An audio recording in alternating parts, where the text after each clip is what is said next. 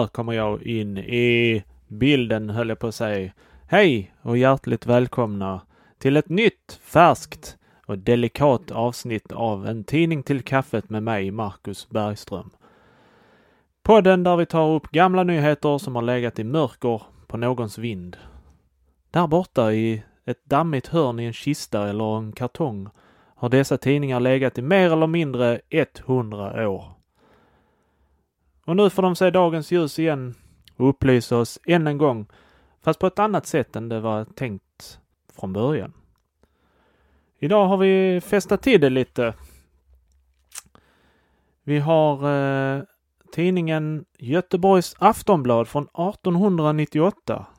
Alltså en eh, 125-åring. Vi tar, eh, vi börjar väl direkt, tar en eh, snabb eh, recap om vad som hände i världen då. Vi tar några axplock. Landstingsorganisationen LO bildas. Det spansk-amerikanska kriget tar slut i december. Den första svensktillverkade bilen provkörs.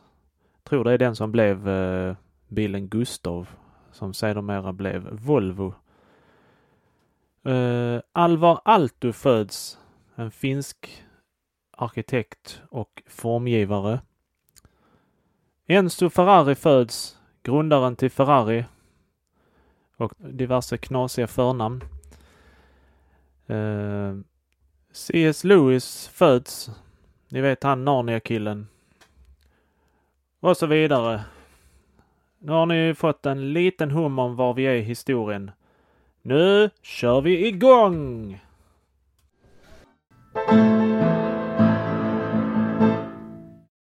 Vi börjar med två spanska kungaslott efter en utländsk reseskildring. Det är väl otänkbart att någon resande i Spanien under sin vistelse i Madrid underlåter att göra en utflykt till Escorial.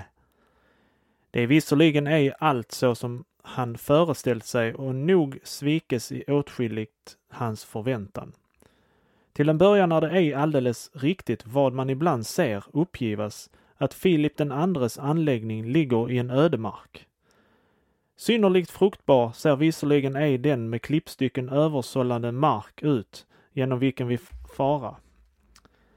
Men en ganska nätt köping har bildat sig kring klostret mot vilken, mot vilken Guadar, Guadaramag-kedjan bildar en i hög grad verksam bakgrund när man från ett av fönstren eller från klosterträdgården kastar en blick på den kuperade marken framför sig och på bergen vid sidan, eller ändå bättre när man går upp till den upphöjning varest Filip den andre på ett i klippan inhugget säte ofta övervakade sina verks fullbordan, gör nejden intryck av en storartad, om än rätt dyster, skönhet. Åt den helige Laurentius är klostret helgat, i det upptages nu av augustinmunkar och av en högre och en mellanskola. Bland folket går den sägen att byggnadens grandritning framställer det halster på vilket den helige Laurentius led martyrdöden. Den väldiga kupolkyrkan skulle då föreställa Pinot-verktygets handtag. På något dylikt har emellertid Filip den andre bevisligen icke tänkt, då han själv som dilettant tog livlig del i utkastandet och fastställandet av planen. Han skapade ett verk av mäktig, men i sin osmyckade regelbundenhet pinsamt enformig verkan. Denna enformighet gör sig dock ej så mycket gällande i det yttre tack vare den mitten över den av fyra hörn torn flankerande jättebyggnaden uppstigande väldiga kupolen som i det inre där trapporna och de långa salarna ovillkorligen kommer besökaren att tänka på ett fängelse. Hela byggnaden är uppförd av granit. Dess förnämsta del, kyrkan, som gör ett majestätiskt ehuru i jämförelse med katedralerna i Burgos och Toledo skäligen nyktert intryck, har vida och höga valv i sträng. Klassisk renässans, framförallt är kupolen storartad. Intrycket fördärvas emellertid genom bilderna i taket och koret utförda av italienare av tredje rangen. då på båda sidor om det i marmor prunkande högaltaret stående monumenten över Karl V och Filip II jämte deras familjer är däremot ovanligt framstående konstverk. Båda furstarna är äro i knäfallande ställning och familjen, familjens övriga medlemmar står tätt bakom dem. Ovillkorligt ser man sig om efter den bakom sin fader stående Don Carlos. I kåret prytt av en utomordentligt dyrbar kristallkrona visar man den undangömda plats där Filip ofta bevistade munkarnas gudstjänst. I sakristian, även som i kapital, kapitelsalarna, ser vi förträffliga målningar av stora mästare, i synnerhet Ribera. Den vetgirige främlingens intresse fäster sig emellertid i främsta rummet vid furstegrifterna. Först för man oss in i de av Alfonso den XII restaurerande griftgemakten för prinsarna och prinsessorna. Väggar och monument glänsar av vit marmor mot vilka de brokigt färgade vapensköldarna bjärt avsticka. Vi beundrar figurerna på ett par infantinegravar och framförallt Don Juan d'Austrias monument. Läsa även här bland de talrika gravinskrifterna Don Carlos namn. Betrakta med nyfikenhet de höga men talrika vapensköldar täckta rundbyggnad som utgör den gemensamma griften för de i späd ålder avlidne Habsburgarna och Bourbonerna av spanska grenen och stiga därefter mellan väggar av färgad marmor ned till de regerande konungarnas och drottningarna drottningarnas grift. I förbigående göras vi uppmärksamma på en dörr. Den för in oss till Puderiaro, vari varje furstelik stannar tolv år innan de bäddas ner i den slutliga vilostad. Alfonso den tolfte står ännu kvar i Porderiaro.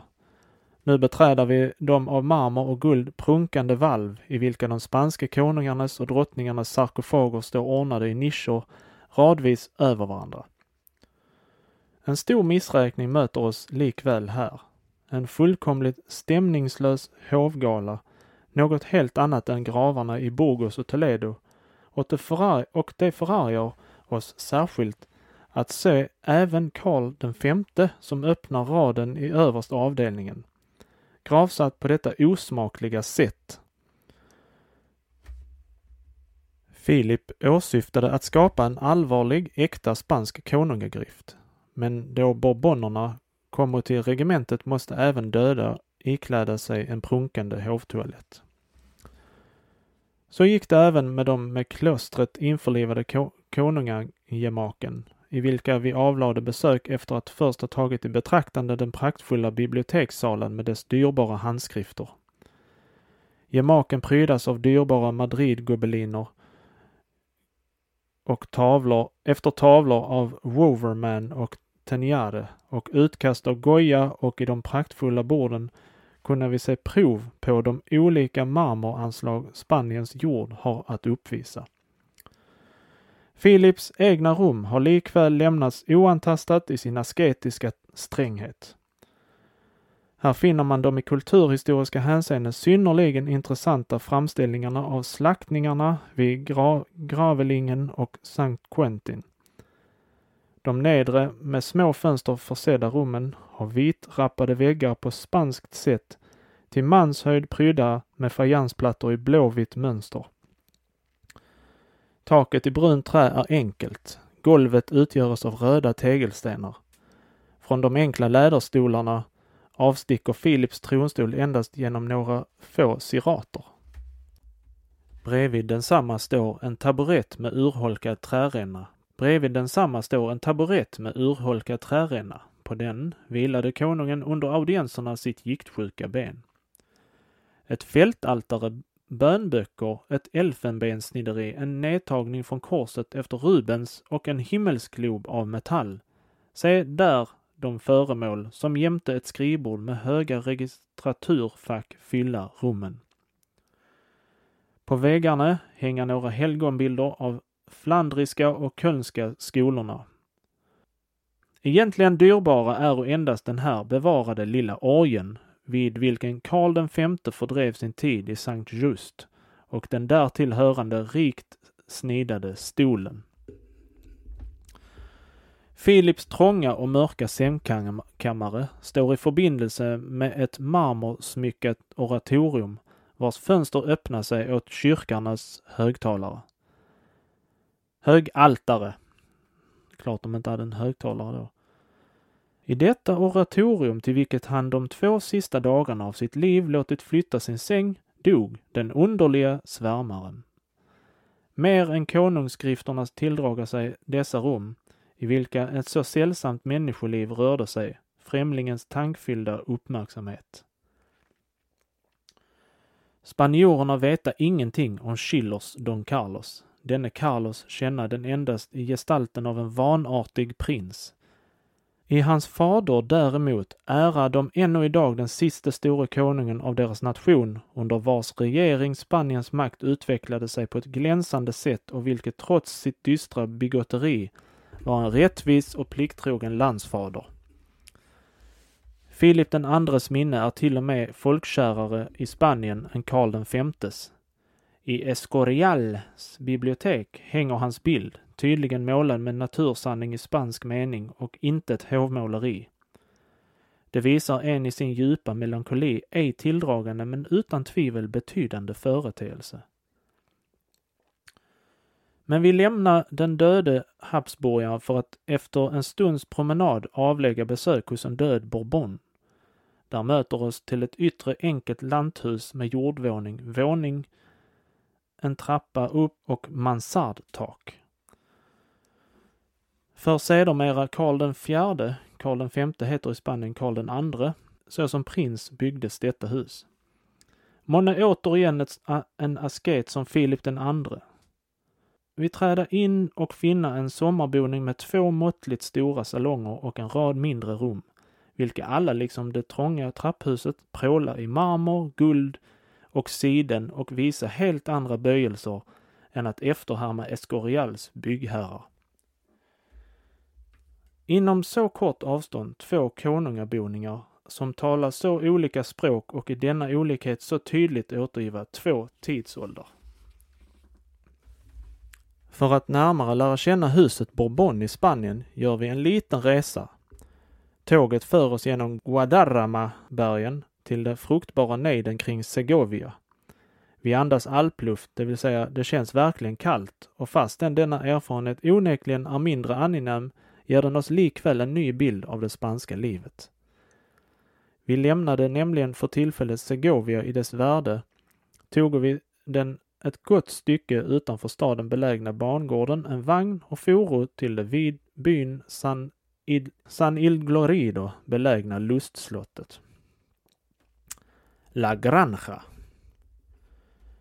En timme räcker färden på den starkt backiga landsvägen till de snöbetäckta bergen denna landsväg har att uppvisa samma livliga trafik av ryttare och lastdjur som klippvägen vid Toledo, men det hela bär dock här en annan prägel. Den starkt stigande men likväl ej alltför branta vägen tillåter ryttarna att falla i starkt galopp, något för vilket de tydligen visar förkärlek.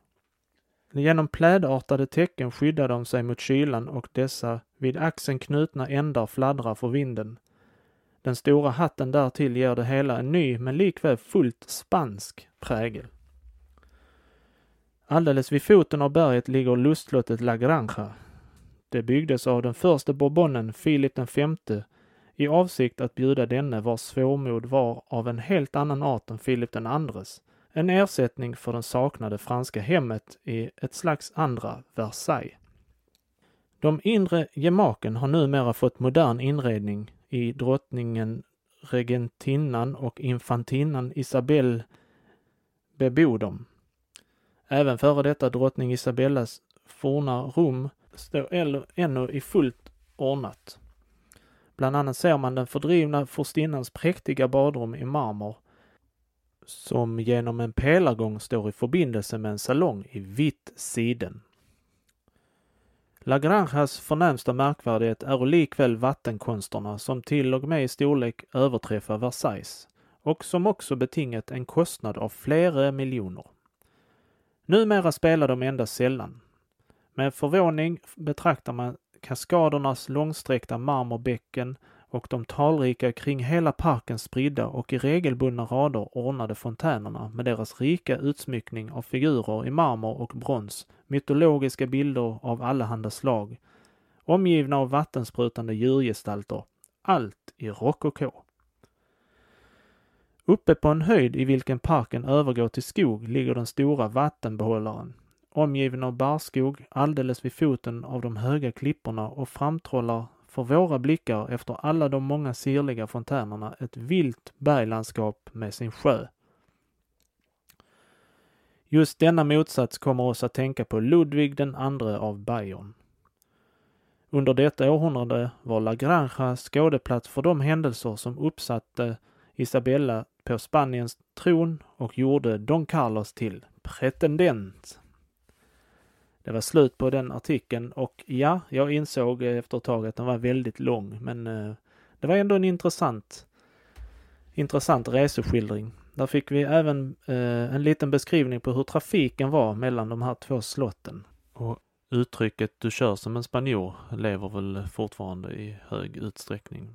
Men det är kul att det fanns även då. Men eh, det är väl alltid skönt med en liten, liten reseskildring. Okej, efter den långa reseskildringen så tycker jag vi kommer titta på lite mer lokalare grejer. En betydelsefull hyllning. En gri ett gripande avsked har skånska husarregementets officerskorps tagit av sin avgående chef generalmajor Bergenstråle, överstelöjtnanten, förde ordet. Platstidningarna meddelar talet. Det lydde så. Herr general, ni har nu lämnat vår kamratkrets. Ni har nedlagt det befäl som ni fört under så många år med nit, skicklighet och sällsynt oväld. För oss återstår nu ej annat än att till eder frambära ett uppriktigt hjärtevarmt tack för den tid vi har haft äran stå under edert befäl, under tillönskan att eder tid och krafter, om än på andra områden, fortfarande måtte tagas i anspråk för fosterlandets väl. Herr general, regementet känner sig stolt att hava ägt en chef som alltid varit dess första gentleman och som aldrig vid pliktkollisioner svikit sin riddareplikt.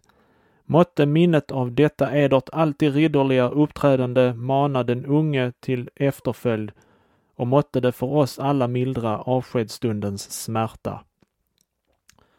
Herr general, än en gång hjärtligen tack för de gångna åren. Regementets varmaste välgångsönskningar följa städse eder och edert hus. Som bekant, eller som åtminstone finnes all möjlig anledning att antaga, var det med anledning av den mycket omtalade maskeradhistorien som general B begärde sitt avsked. Ett pietistiskt anlagd tidning i Stockholm ansåg sig hava fått reda på att några unga officerare vid regementet skulle hava vid ett maskeradtillfälle burit sig så överdådigt fritt åt att saken borde dragas inför allmänheten. Av dess framställning ansåg man sig kunna sluta till rent upprörande förseelser mot skick och anständighet. Regementschefen beivrade saken dock utan överdriven stränghet, förmodligen emedan han ansåg att dessa dimensioner ej vore just så synnerligen stora och att det ej var så mycket att göra väsen utav som ifrån de, från de ifrågavarande tidningens håll ansågs lämpligt. Denna moderata uppfattning tycktes och bekräftas av en på de utpekades egen begäran verkställd polisundersökning. Något egentligen upprörande har ej kommit i dagen. Men vare sig nu saken i verkligheten varit så upprörande som tidningen ville låta förstå eller att dess partis sedlighetsmedvetande i varje fall ville nöjas, ej ville nöja sig med mindre så fick regementschefen skrift, en skriftlig skrapa från krigsministern för att straffet varit för lindrigt med tillagd förmaning att för framtidens kraftigare beivra sådana förseelser. Detta var mer än general B kunde lida. Han svarade helt enkelt med att ögonblickligen begära sitt avsked, vilket ingalunda lär hava beräknats på högre ort än när både krigsministern och hans majestät konungen själv skola sökt förmå honom att kvarstanna. Till saken hör och att de utpekade löjtnanterna i Helsingborg anställt åtal mot den tidning, Svenska Morgonbladet, som angripit dem. Målet är ännu oavgjort. Man väntar icke utan rätt livligt intresse på dess utgång. Ja, det var slut där. Vad kan man eh, säga om denna artikeln då? Ja, det var det var alltså två unga officerare som var fulla och generalen försökte tona ner det hela, men det gick inte. Man kan ju ändå undra vad det var de gjorde som gjorde att det var så upprörande. Jag måste säga det att eh, det jag sa i början här om att tidningen var delikat, det är verkligen en sak som är sant. För det är, mitten av tidningen har liksom Ja, för det första är tidningen 68 centimeter lång, hög och 58 centimeter bred. Och när man, och det är outvecklad. Så när man vecklar ut den så är den liksom dubbelt så lång och dubbelt så, ja, dubbelt så stor. Och detta, det här stället där jag sitter på är inte så lätt att eh, veckla ut på. Så det, ibland kan det vara väldigt svårt att läsa. Plus att sidorna, att den är ganska gammal ju och sidorna har börjat gå sönder lite så jag försöker fibbla och trixa för att få ihop denna läsningen. Men eh, det funkar ganska bra. Ja, men då tar vi väl eh, nästa artikel. Lite nyheter från Göteborg. Göteborg! Nu kör vi la! Gött eller?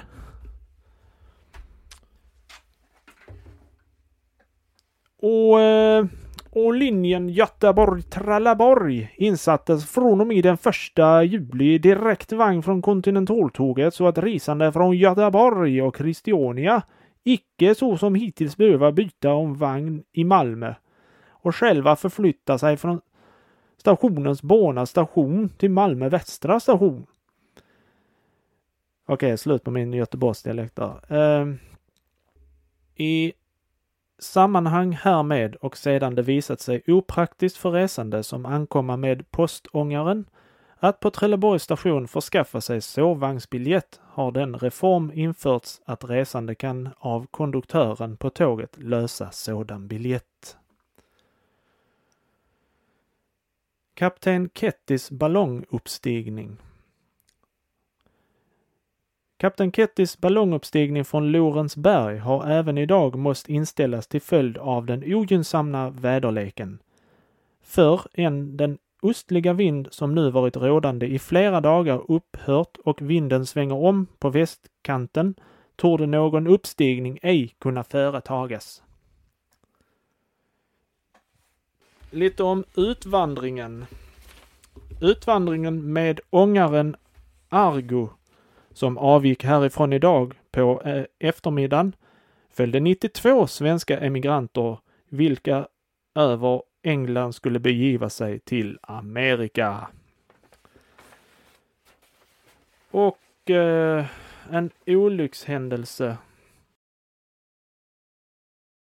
Stuveriarbetaren William Jonsson, boende nummer 28 vid Landsvägsgatan, blev i morse klockan 3.45 då han arbetade i lastrummet och Wilson ångaren Romeo med kollossning skadad i huvudet av ett från koltunnan nedfallande större kolstycke så att ett blödande sår uppstod. Den skadade fördes till Salgrenska sjukhuset där såret förbands. Och eh, där tycker jag faktiskt att det är dags för en efterlängtad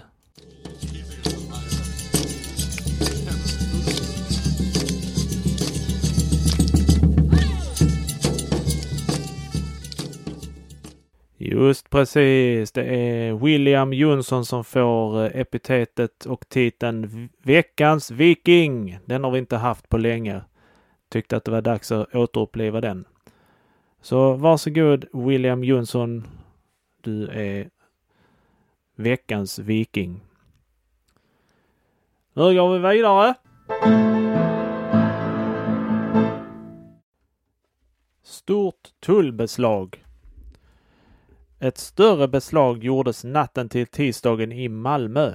En poliskonstapel varseblev en pojke bärande en korg på väg från hamnen uppåt staden passera över Möllanbro. Konstapeln undersökte korgens innehåll som avgjordes av ett par och 70 klockor. Vid anställt förhör har det framgått att gossen vars fader är båtkar i lotsverket av honom erhållit i uppdrag att bära korgen i land från ångaren Najaden och att den person som medfört uren från Lübeck är en rorgängare på samma ångare, Herman Kristensson. Godset var avsänt till urfabrikör S. Margolinski i Malmö. Slut på artikeln.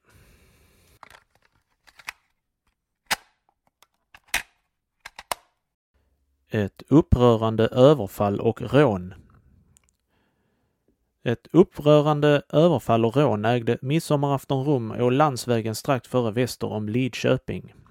Fångföraren J.G. Frey från Åsledet hade dagen i fråga återkommit från Mariestad där han varit inne med en bötesfånge. På hemväg från Lidköping mötte han därvid mellan klockan 10 och 11 vid lägenheten, utsikten omedelbart utom staden, en obekant man som bad få åka med honom. Mannens begäran beviljades och komna ett kort stycke från den plats där den okände stigit på tog denne tömmarna ifrån Frej sägande Hästen kör jag själv. När man så kommit ett litet stycke väg längre bort eller i närheten av skiljevägen till Tofta frågade den okände Frej om denne hade penningar på sig. Då Frej svarade nekande härtill genmälte främlingen Ni har fått penningar i kansliet, lämna mig dem, eljest tar jag livet av er. Mannen grep nu Frej med bägge händerna kring halsen samt höll honom så länge och så hårt fast om strupen att Frej förlorade medvetandet. Då Frej återkom till sans fann han sig liggande å landsvägen, varvid ogärningsmannen då han märkte att Frej började kvickna till gav honom ett par sparkar i huvudet och bröstet under det han tillropade honom Är du ännu icke död, din jävel? Mannen tog därefter från Frej hans fickor samt släpade honom till ett bredvid vägen befintligt dike i vilket han kastade ned honom. Den okände avlägsnade sig därefter mot staden. Med knapp nöd förmådde den rånade taga sig till sin Tofta boende son, vilken jämte en annan person förde honom till hemmet där han genast måste intaga sängen. På midsommardagen kom den okände till Frejs hem och återlämnade fickuret samt bad med penningarna få försona sitt brott. Mannen blev nu häktad och förd till staden. Han har befunnits varad för fjärde resans stöld bestraffade svarvaren F.W. Stenholm Ekefelt, född 1864 och mantalsskriven i Filipstad. Slut på artikeln där. Det var en eh, våldsam gärningsman.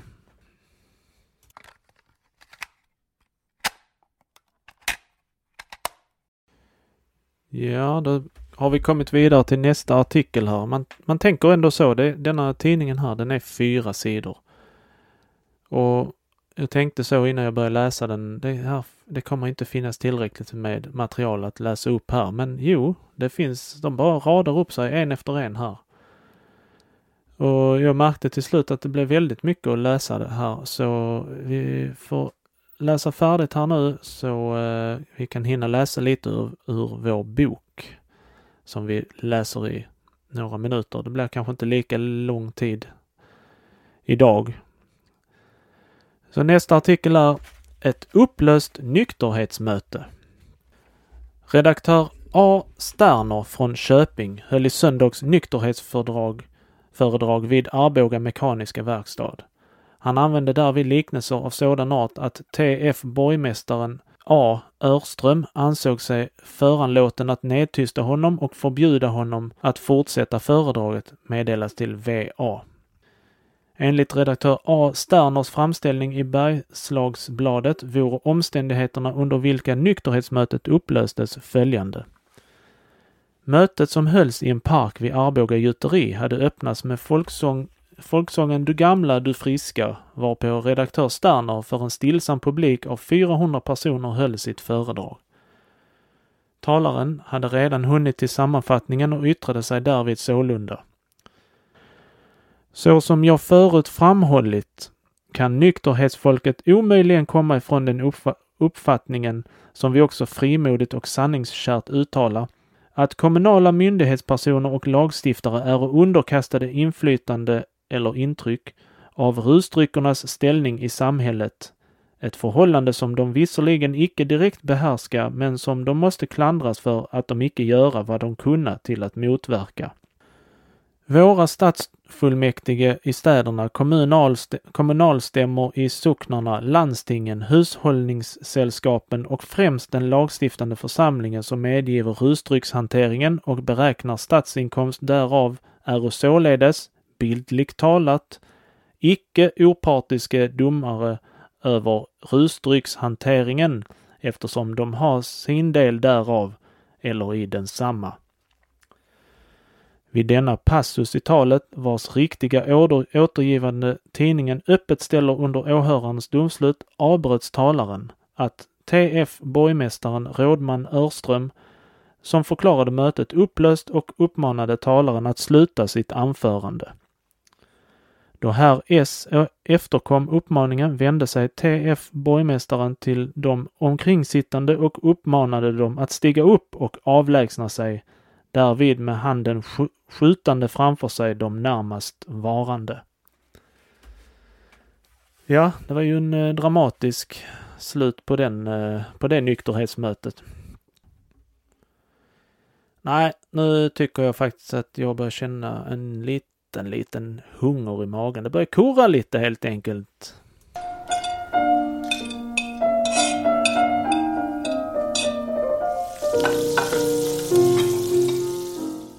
Mm, då skulle det varit lite gott med frukostsallad. Hur gör man en frukostsallad undrar ni då? Jo, då tar man eh, en halv salt sill, tre medelstora kokta potatisar, en bit saltgurka, ett ägg. Nej, till marinaden behöver vi då en tesked tillblandad senap, två teskedar socker, ett ägg, 150 gram räkor, en fjärdedels tesked vitpeppar, tre matsked god olja och en matsked vinättika. Och till garneringen ett ägg, finhackad persilja med räkstjärtar. Hur gör man då denna underbara goda rätt? Jo, då tar man att eh, sillen, den bör vara väl urvattnad, befrias från skinn och ben och skäras jämte potatisen saltgurkan och det hårdkokta ägget i fina tärningar. Räkorna rensas och skäras i halvor. Och till marinaden blandas först senap, socker och vitpeppar. Därefter tillsättas matoljan och ättikan omväxlande i små portioner. Marinaden blandas därefter med de skurna ingredienserna till en sallad som lägges upp på serveringsfat. Den kan även om man så vill packas i vattensköljd form och sedan skälpas upp på fatet. Salladen garneras med hårdkokt hackat ägg, finhackad persilja och räkstjärtar. Mmm, en frukostsallad. Det låter underbart. Så skulle man vilja starta varje morgon, det vill jag lova. Ja, tack så mycket Bertil Svensson som läste in vår goda frukostsallad här. Det är alltid kul att ha honom på besök. Ja, vi hinner tyvärr inte läsa alla artiklar jag har tänkt göra här. Så vi tänkte, jag tänkte avsluta med två artiklar här och eh, en är lite Göteborgs eh, Göteborgs orienterad. Den heter Dödsfallet i Masthugget. Till poliskammaren har idag avgivit följande intyg från den andra stadsläkaren Dr. Ludvig Sellberg, dag, dagtecknat 28 dennes.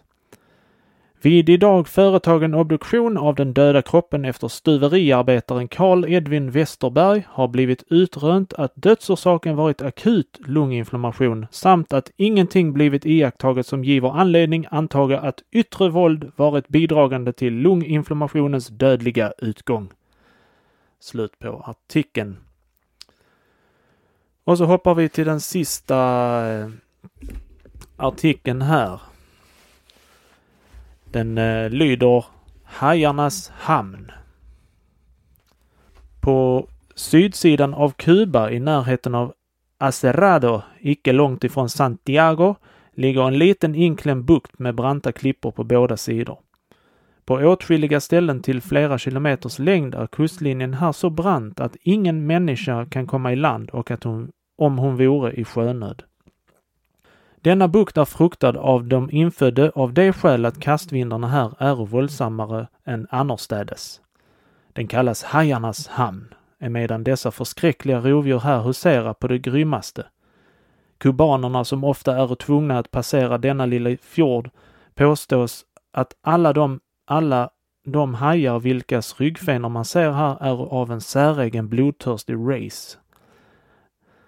De är professionella människoätare som söker sin föda bland de människor som år efter år kullseglar i denna beryktade havsbukt.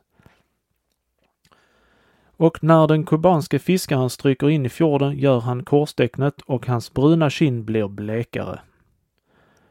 Det var just vid krigets utbrott som på dessa trakter skedde en olycka vilken slog hela nejden med fasa. En fiskmack på 50 till 60 ton kom från Santiago. Den hade ombord ett brudfölje på 20 personer förutom manskapet. Vädret var förträffligt och smacken lämsade in i hajarnas hamn för en laber kuling. Man väntade ingen fara och under skämt och skratt gick seglatsen vidare. De sex unga brudtärnorna i ljusa dräkter lät sig kortiseras av de unga fiskarna och stämningen var hög. Vad brydde man sig om de stora hajarna som troget följde båtens kölvatten?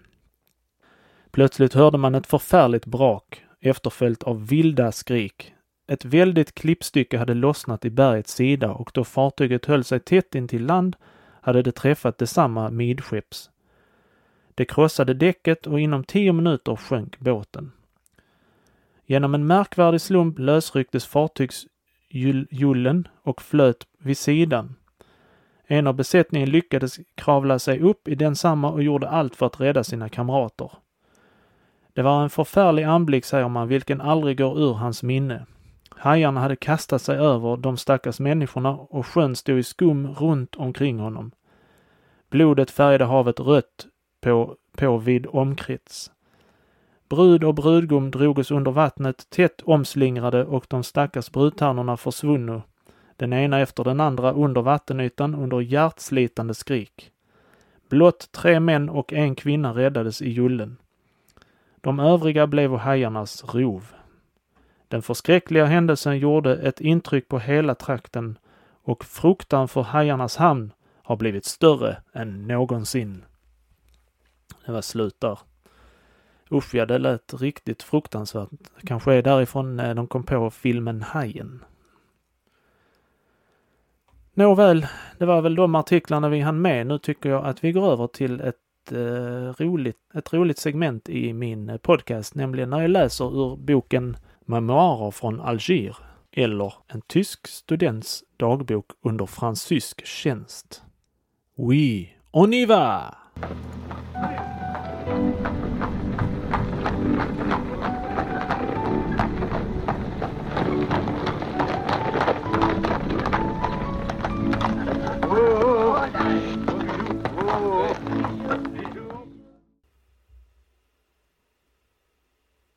Ja, då har vi kommit till eh, sidan 94. Och vi ska in i matlagningsvärlden här med eh, kapitlet Algerarnas kök och måltider. Jag har redan angivit namnen på trenne av dessa beduinrätter. Sorban är en soppa av gurgus, en slags kokat och torkat korn. Pilau är ris kokat med smör och kött. Men den huvudsakligaste födan är couscousu, vars goda beredning mera begrundar en algerisk kokerskas rykte än allt annat och därföre väl förtjänar att vi här däråt ägna en liten beskrivning. Couscousu är en deg som blott består av mjöl och vatten och vilken genom knådande gives en tämlig hårdhet. Man fördelar den ut i cylindriska fingertjocka stycken och gör slutligen därav korn i det man småningom gör den förra tunnare och skickligt sönderdelar dem med händerna. Den på detta sätt formade degen låter man bliva hård i det man torkar den i luften eller solen. För att nu koka couscousu lägger man den med smör i en slags gryta vars botten är försedd med små hål. Man ställer den på en annan större gryta i vilken av de fattiga endast vatten, men hos de förmögnare kött och vilt lägges. När nu den dubbla grytan kommer på elden drar sig den ur den undre grytan uppstigande ångan genom hålen i den övre och kokar sålunda den i den sistnämnda befintliga couscousu. Finnes i den andra grytan kött anrättas detta på ett fat och couscousun lägges omkring och ovanpå, varigenom och ett slags pyramid utan sås bildas. Couscousukornen bliva skilda och klibba sig ej tillsammans. Man tillagar sådana av alla slag, från de finaste, vilka ser ut som havregryn, till de grövsta, vilka liknar risgryn. Vad nu sättet att äta den angår brukas vanligtvis att med fingrarna förena flera korn till en kula och så bringa den i munnen. Utom dessa rätter ser man i förstaden Babazoo ännu en annan spis beredas, särdeles hammelshuvuden och fötter och åtskilliga stycken av djurinälvorna. Allt detta förtära beduinerna på trädtallrikar i det de utan kniv och gaffel betjänar sig av högra handens fingrar, som jag hörde av den grund att profeten själv åt på detta sätt. Men den lag som bjuder att efter måltiden tvätta sina händer synas det icke särdeles noga efterkomma, ty de vilka jag så förrätta sin måltid brakte i blott ganska smutsiga händer med sig dit, utan gingo med än smutsigare bort sedan de avguidit den allra värsta mot sin haiku eller bern, bernus. Men musulmännen i staden hava vilket ses av deras renliga yttre en finare sed. Medan jag kommit in på detta kapitel vill jag efter egen erfarenhet samt flera återkomma desertörers och krigsfångars berättelser vilka levat länge, längre tid som slavar ute i Konstantinen och andra städer söka giva en möjligast trogen bild av den bättre moriska taffeln. Matens tillagning sker i de flesta hus genom en svart slavinna och arten av denna beredning är densamma som jag förut beskrivit. När man vill äta sätter man fatet på ett litet bord som har inga fötter och 20 till 30 tum i diameter. Detta bord är täckt av ett slags sållformig korg vilken är flätad av vide eller palmblad. Faten som begagnas har skapnaden av en omvänd avskuren kägla så att bottnen i dem är alldeles trång. På bordet omkring faten lägger man ett antal små, mycket mjuka bröd av vilka var en av bordsgästerna avbryter små stycken för att äta. Varje fat ställes på ett särskilt bord så att man har lika många bord som fat. Mången gång framdukas särskilt en stor kopp eller stäva med sur mjölk vid vilken flera långa och djupa grovt skurna skedar av träd befinner sig. Gästerna taga då och då eller till och med för varje tugga couscousso eller kött en sked full av denna mjölk. De sätta sig på golvet eller runt omkring på en matta och taga all maten ur ett fat. Är ett stort antal av gäster samlat uppslås flera bord på en gång och omkring varje bord sätta sig fyra eller fem personer med korslagda ben. Så ofta musulmännen sätta sig till bords säger de Bismillah i Guds namn. Vid slutet av måltiden betjänar de sig av uttrycket Alhamdulillahi Lovad vare Gud. Vid uppstigandet från bordet tvår man ej allenast sina händer utan sköljer även det inre av munnen och skägget. För detta ändamål inställer sig en tjänare som håller i vänstra handen en stäva, i den högra en urna eller en kanna och över axeln har en servett. Denna tjänare går raden utföre till varje gäst som då håller sina händer över stävan utan att beröra den Tjänaren gjuter vatten över gästens händer och denne torkar sig med den duk tjänaren bär. Efter maten drickes alltid kaffe. Danserskan jag blev genom list vittne till en av dessa måltider i det jag smög mig in ut i ett hus tillhörig en rik mor och ställde mig på ett ställe varifrån jag kunde se allt utan att själv ses.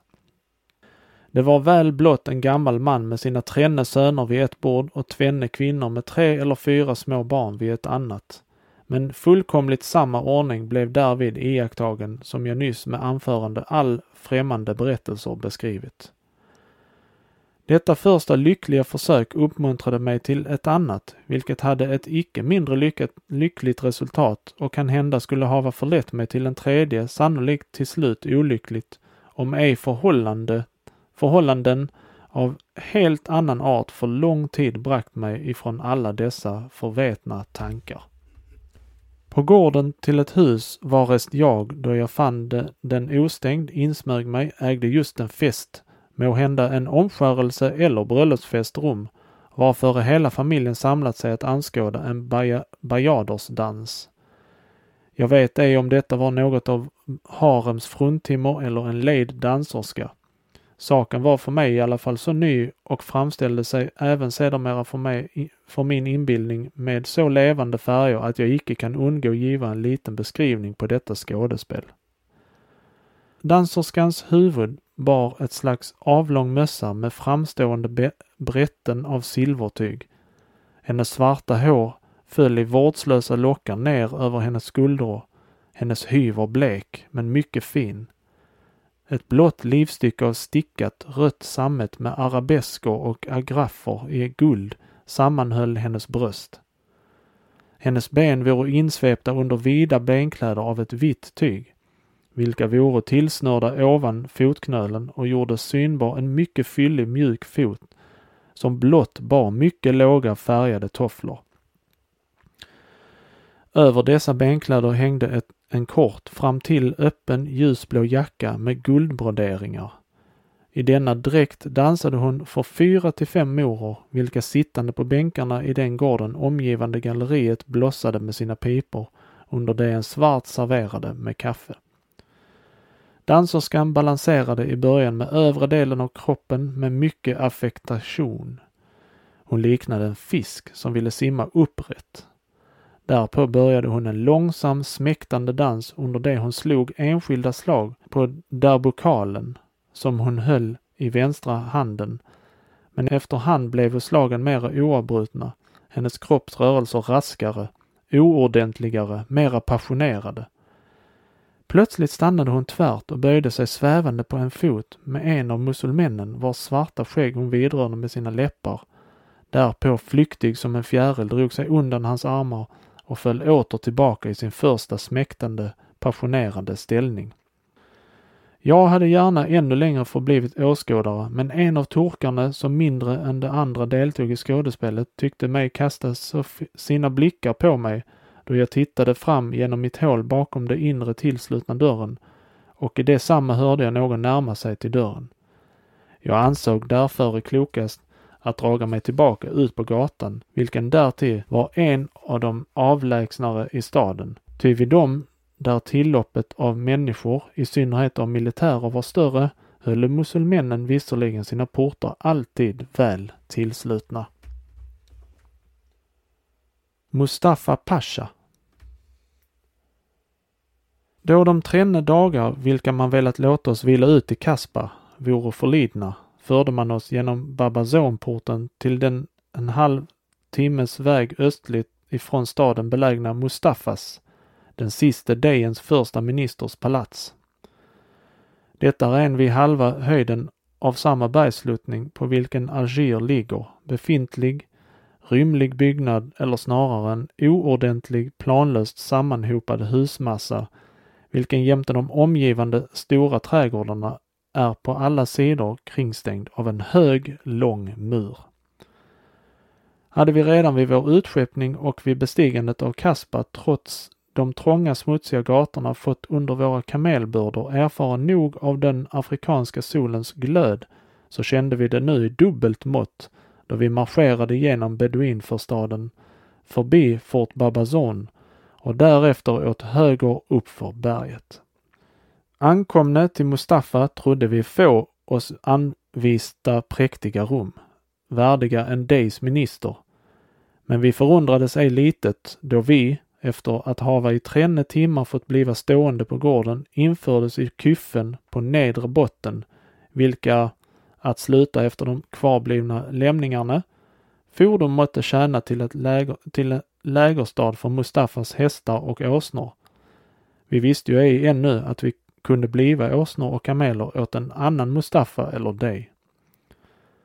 I dessa kyffen, ty hur kunde de få namn av Rom? fanns varken något bord eller bänk, varken ett bräde eller en spik, varken fönster eller dörrar. Golvet var i några av dem så fuktigt och smutsigt, i andra så dammigt att vi med all vår trötthet ändock kände äckel vid att däri uppehålla oss. Vi hade fullt upp att göra en hel dag blott att bortskaffa skräpet och styra någon smula till åt oss. Man gav oss varken sängtäcken, brädor eller halm, utan blott tomma halmsäckar, att vi själva skulle fylla dem på fältet med gräs eller halm om vi funne något.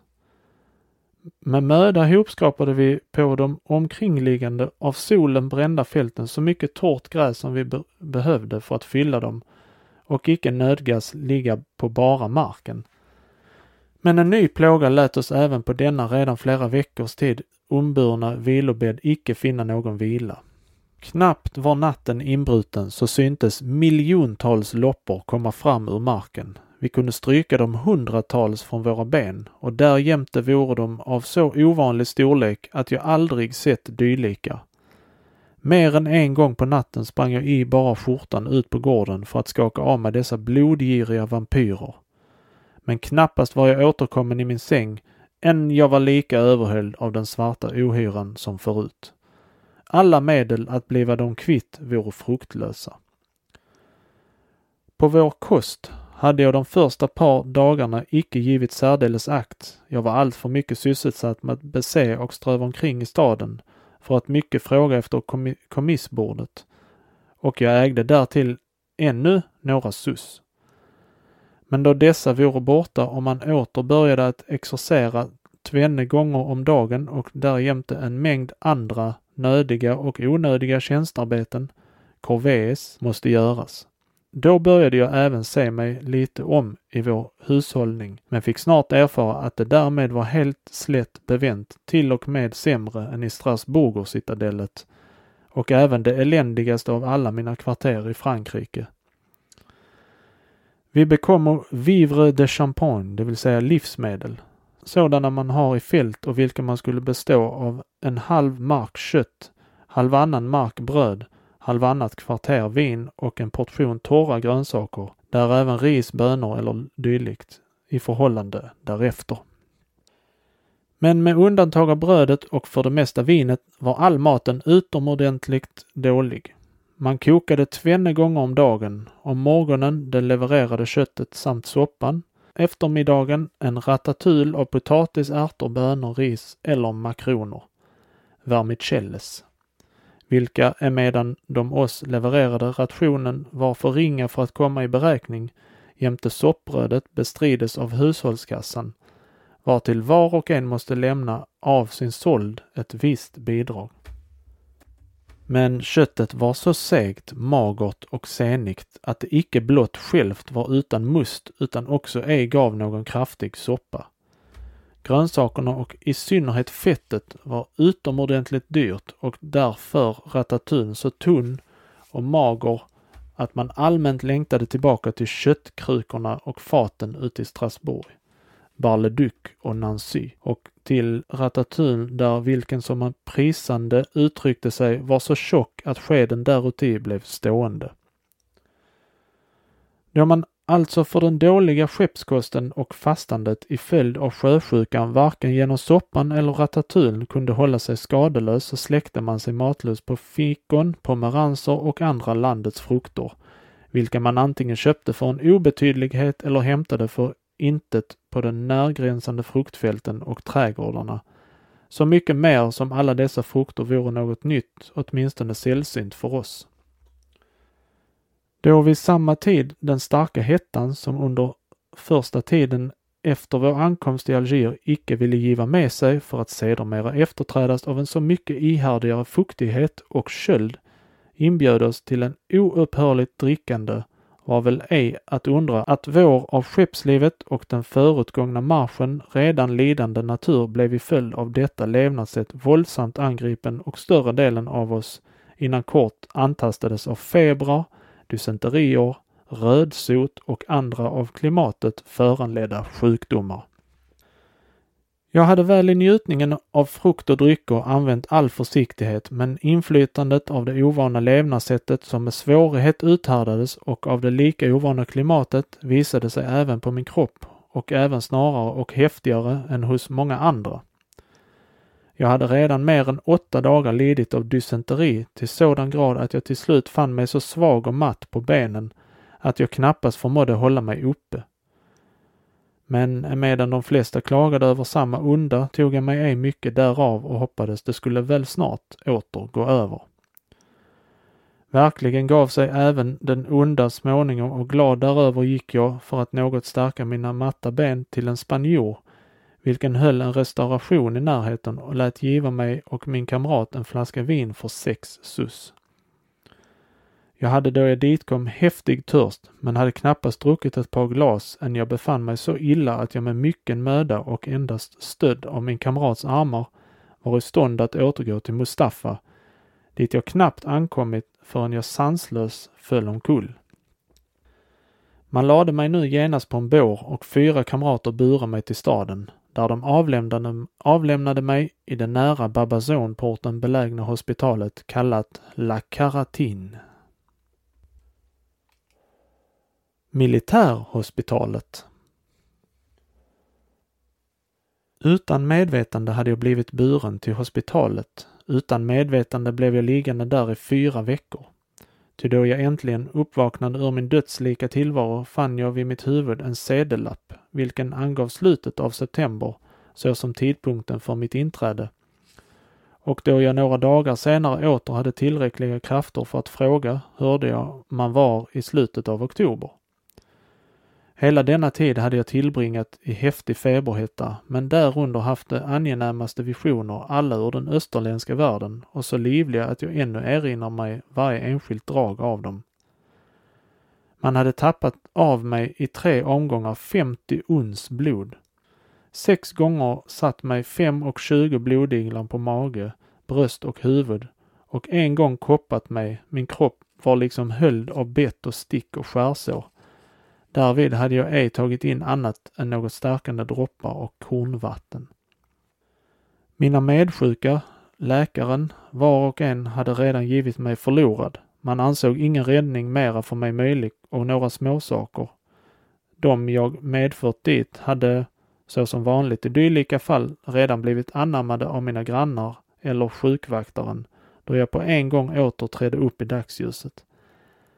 Vilken glädje hade ej den goda mannen då han om morgonen kom på mitt, sitt besök och jag för första gången svarte på hans frågor och igenkände honom.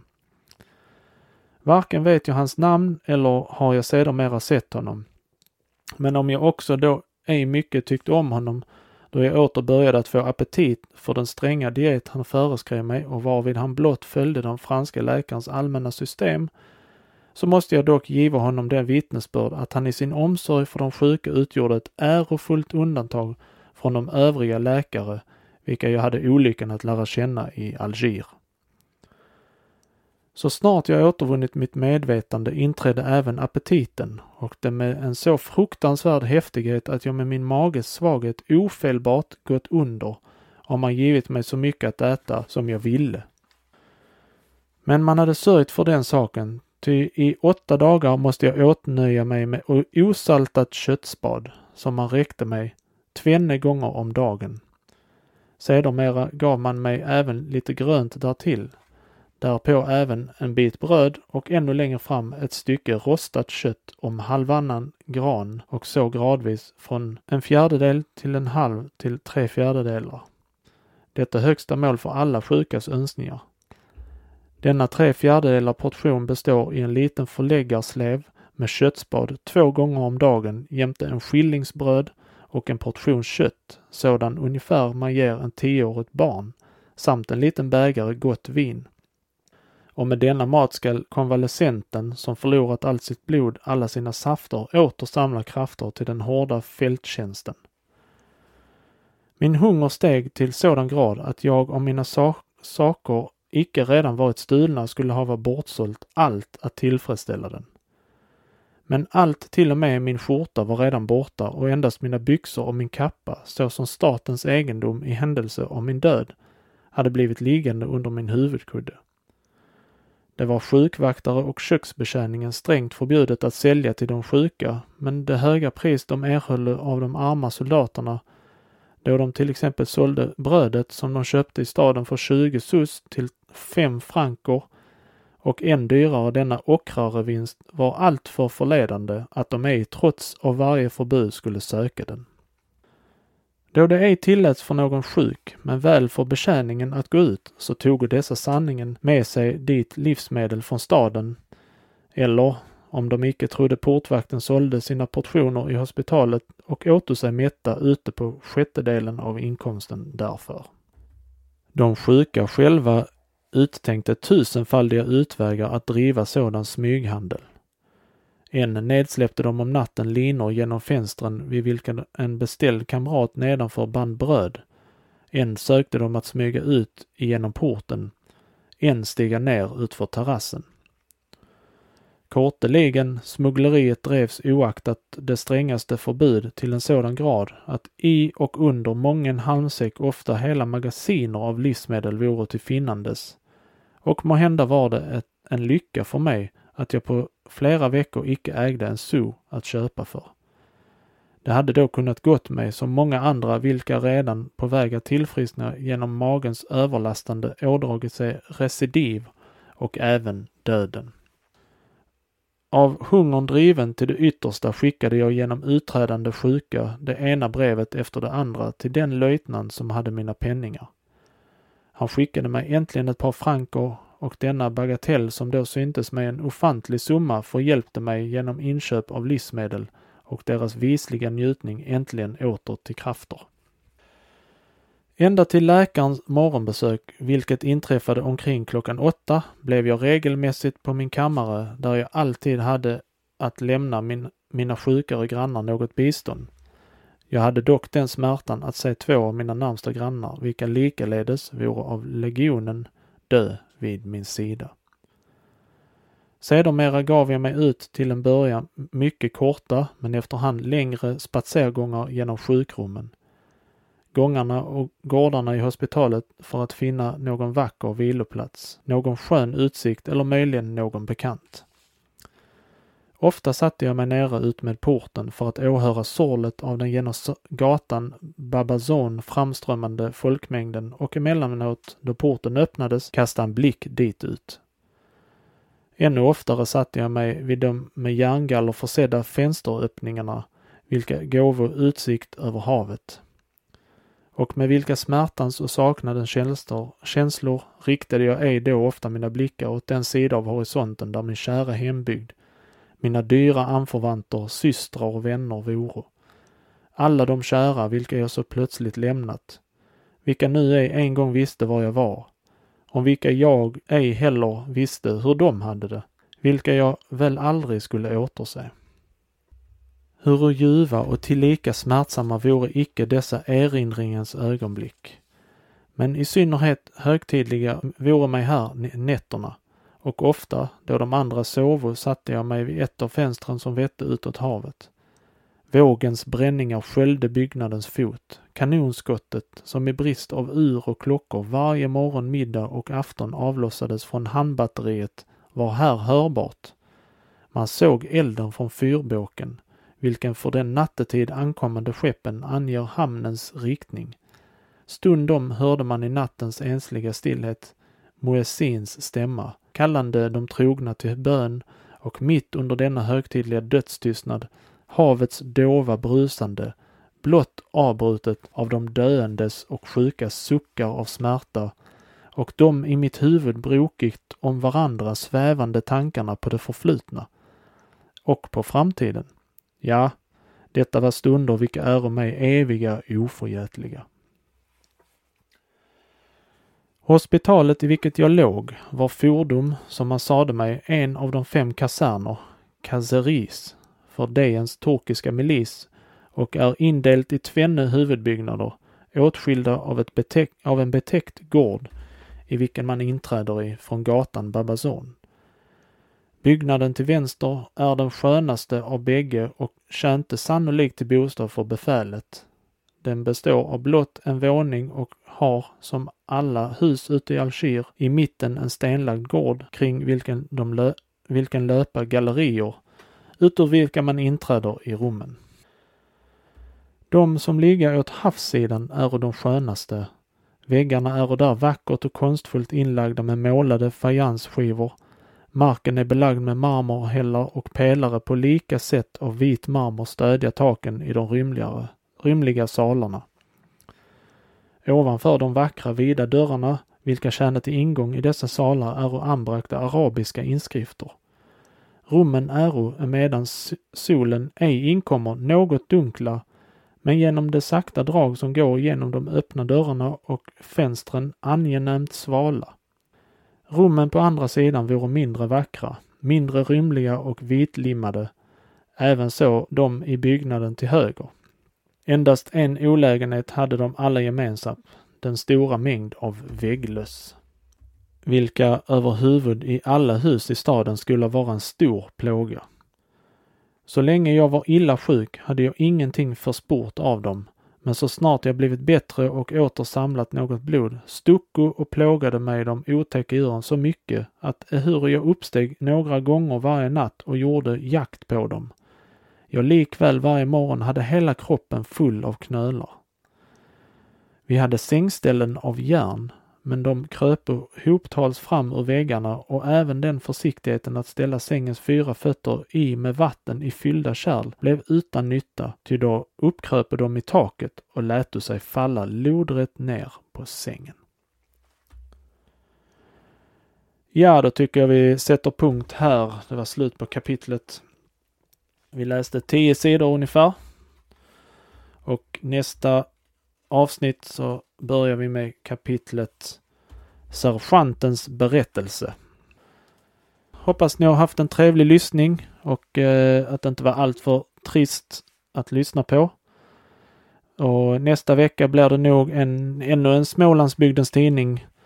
Men jag tänkte försöka variera lite mer så det inte bara blir Smålandsbygden. Kanske var tredje får bli en eh, Ystad Allehanda som jag har och jag har några Östersundsposten och eh, något Aftonblad också. Det är inte så många. Aftonbladet är faktiskt svårare att få tag på. Men eh, oavsett så hoppas jag ni får en fortsatt trevlig och underbar dag och vi ses nästa gång. Ha det gott! Hej då!